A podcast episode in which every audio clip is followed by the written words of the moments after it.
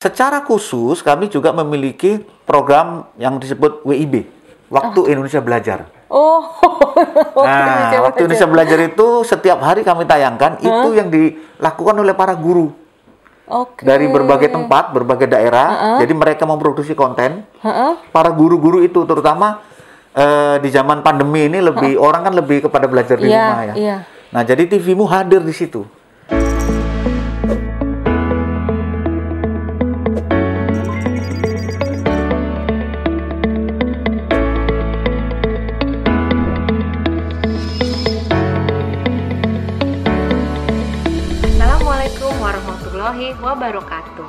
Jangan lupa ya di subscribe, like, comment, share, dan tekan tombol loncengnya. Jazakallah khairan kasiro.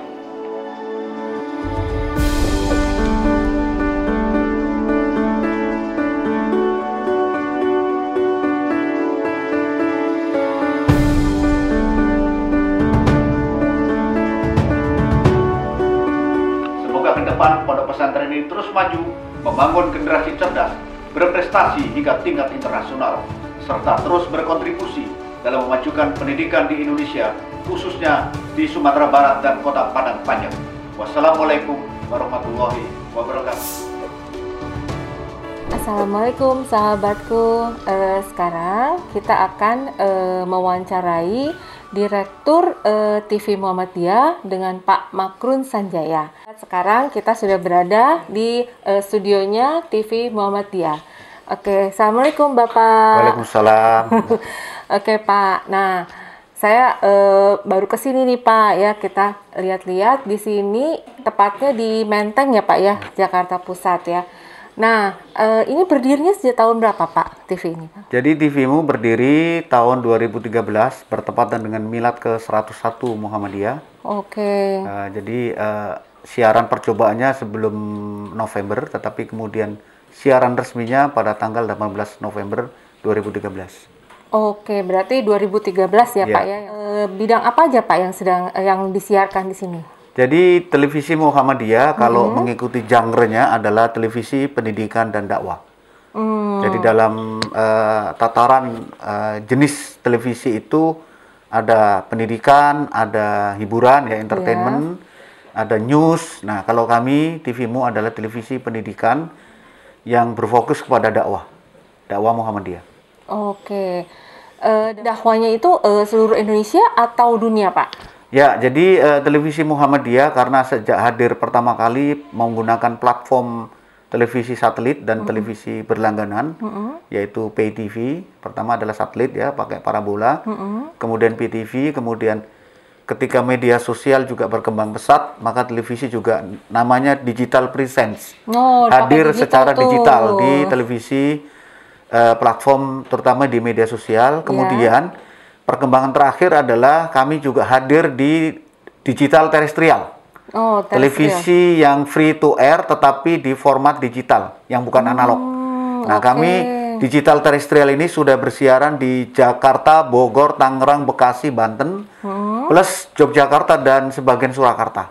Akses TVmu bisa di selain ya di digital tadi di akun TVmu ya di di YouTube, kemudian juga di Instagram TV, kemudian juga lewat parabola ya parabola itu yang platform satelit. Kemudian yang plat- platform pay TV itu ada di Big TV, kemudian ada di Telkom Vision, ada di K-Vision juga. Eh, kemudian yang terakhir adalah yang di digital terestrial itu tinggal diakses di searching auto search kalau TV-nya sudah termasuk TV digital yang smart TV yang edisi terbaru Ya. yang tipis, yang Iya, tidak ada iya. kondenya gitu, tidak Iya. ada tabungnya. Tetapi yang digital version itu sudah bisa di search di 42 UHF. Oh. Jadi kalau ibu punya TV yang sem- udah smart ya. di rumah misalnya tinggal eh, dipastikan antena digitalnya sudah terpasang atau dia sudah embed ya sudah melekat. Kalau belum ada bisa menggunakan namanya set set top box. Set Jadi semacam decoder yang diletakkan di atas televisi, kemudian di auto search akan ketemu di UHF 42. Oke. Jadi kami juga sudah hadir di rumah-rumah ya, bukan Wah. hanya sekedar eh, yang berlangganan, tapi sudah sudah hadir ke rumah-rumah platform digital terestrial. Dan insya Allah eh, ke depan sesuai dengan program pemerintah dan negara bahwa tahun 2022 itu akan analog switch off. Ya, jadi perpindahan antara dari analog channel ke analog eh, ke digital channel Insya Allah TVmu juga akan ikut bermain di sana. Hmm, Jadi tahun 2022 kita akan Insya Allah lebih meluas. Oke. Minimal Pulau Jawa kami kami masukin ya Iya. untuk platform digital terestrial. Oke, wah hebat ya eh, sahabatku. Nah, sekarang Bapak kan tadi ada eh, acaranya ada pendidikan, ke- kemudian news ya Pak ya.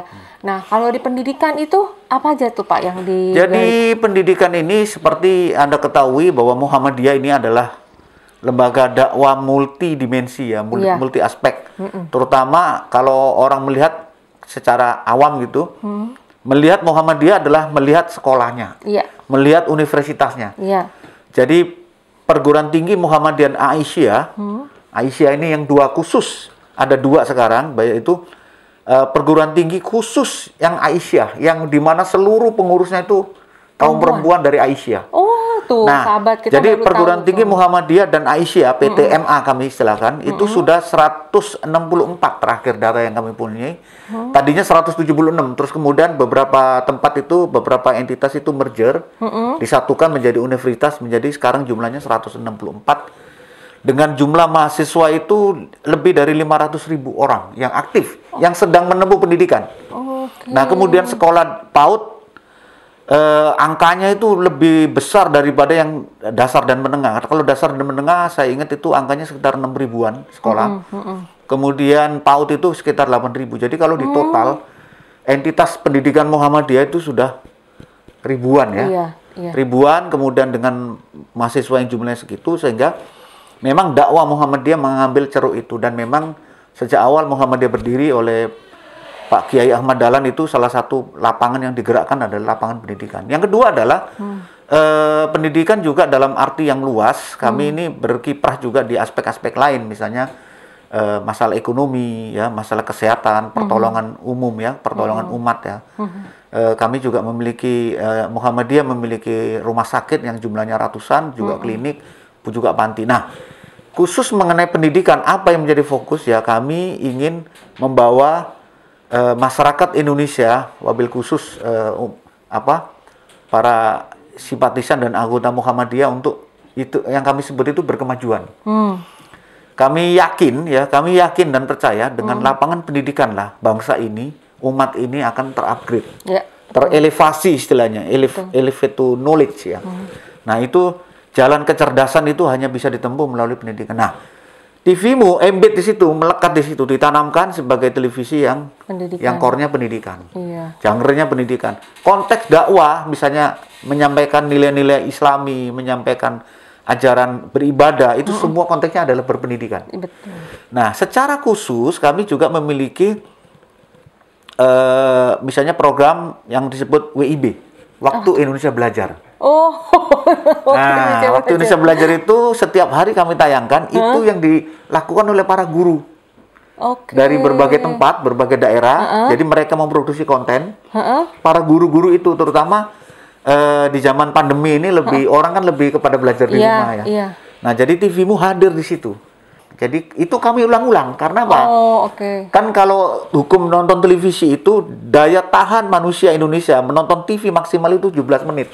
17 menit. Iya, rata-rata orang Indonesia ya. Iya. Rata-rata satu orang misalnya. Kalau saya seharian itu di, dibandingkan dengan yang lain ketika diambil rata-rata 17 menit. Nah, kami melakukan itu diulang-ulang supaya apa? Yang tidak sempat nonton pagi, Oke, misalnya lagi itu iya. aktivitas siangnya bisa nonton Iya, iya. dan sebagainya. Kalau soal jam itu bisa kita kita bisa ubah-ubah karena itu menyesuaikan dengan situasi. Kemudian juga ada berita eh, apa?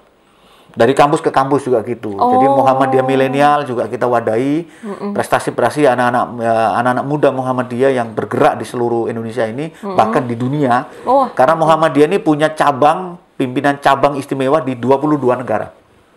Hmm, di mana aja itu salah Ya, dari mulai Mesir, Turki, Jerman, Inggris, Amerika, Australia, Timur Leste pun ada. Oh, Jadi seluruh ada di 22 negara cabangnya Muhammadiyah ini. Jadi ini eh, catatan kami ini adalah organisasi yang layak masuk rekor. karena organisasi yang tertua di Indonesia yang berangkat dari Indonesia ormas Islam kemudian bisa transnasional gitu kira-kira. Iya, bisa sampai di lima benua.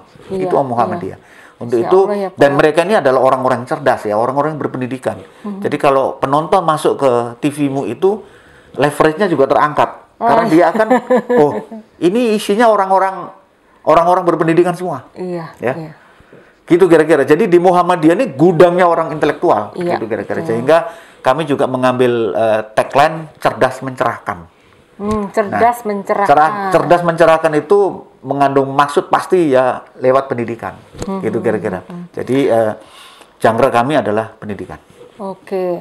Nah, kalau WIB itu tadi saya ulang sedikit Pak ya. Hmm. WIB itu untuk eh, segmen eh, anak-anak umur berapa tuh Pak? Eh, WIB ya mulai dari pendidikan SD ya Oh, SD. sampai ke dasar menengah ya Oh, sampai SLTA oke. maksimal. Nah, untuk diketahui dalam beberapa hari ini mungkin lusa ya sejak direkam ini ini direkam hari Senin mungkin Rebu itu ada sekumpulan guru-guru dari Gresik Jawa Timur Iya. yang ingin membu- membuat konten khusus buat TVmu Gresik. Oh, oke. Jadi ini guru-guru ya, guru-guru SLTA dan SLTP di Gresik sana Iya. itu akan membuat stasiun cabang TVmu di Gresik. Oh, oke. Nah, guru-guru ini punya apa ya? Punya kompetensi dari bidang komunikasi dan bagaimana uh, sistem pembelajaran mereka itu bisa lebih luas diketahui oleh masyarakat. Dan ini kami sangat apresiasi dan ini adalah model-model yang kami kembangkan. Yang kedua juga saya sedang menggalang sebuah kolaborasi dengan seluruh PTM yang bersedia untuk bisa kami eh, kami jadikan mereka sebagai content provider. Hmm, Jadi modelnya nanti desentralisasi sistem produksi. Jadi kalau selama ini misalnya di studi ini Hmm. Sehari misalnya bisa memproduksi 3-4 episode nggak Hmm. cukup karena slotnya TVmu itu sehari Panjang. 17 jam. Oke. Nah, otomatis harus desentralisasi produksi. Desentralisasi produksi supaya ini juga efisien, tidak harus TVmu yang membiayai, tapi adalah unsur-unsur terkait yang di dalam internal Muhammadiyah itu bergerak, yaitu yang namanya PTMA. Apa tuh Nah, Pak? PTMA itu Perguruan Tinggi Muhammadiyah dan Aisyah. Oh, Nah, oke. jadi misalnya Universitas Muhammadiyah Jakarta, UMJ, itu akan kami tawarkan membuka studio, studio hub. Nah, mereka memproduksi konten, nanti ditayangkan di TVmu. Iya, betul. Kemudian yang sudah jalan itu UAD, Universitas Ahmad Dahlan Jogja. Mm-mm. Mereka bahkan sudah menyiarkan secara lokal dan nasional TVmu di tempat, kemudian produksi mereka sendiri. Nah ini akan kita perluas. Misalnya saya pekan depan itu insya Allah akan ke Semarang untuk menemui Pak Rektor, Rektor Universitas Muhammadiyah Semarang bersama Ketua PWM, Pimpinan Wilayah Muhammadiyah Semarang, untuk kita bikin bagaimana di sana itu ada studio, memproduksi konten Iya, betul. yang isinya itu pendidikan dan dakwah, kemudian TVmu sebagai lembaga penyiarannya. Iya. Nah, desentralisasi produksi. Assalamualaikum warahmatullahi wabarakatuh. Jangan lupa ya di subscribe, like, komen, share, dan tekan tombol loncengnya. Jazakallah khairan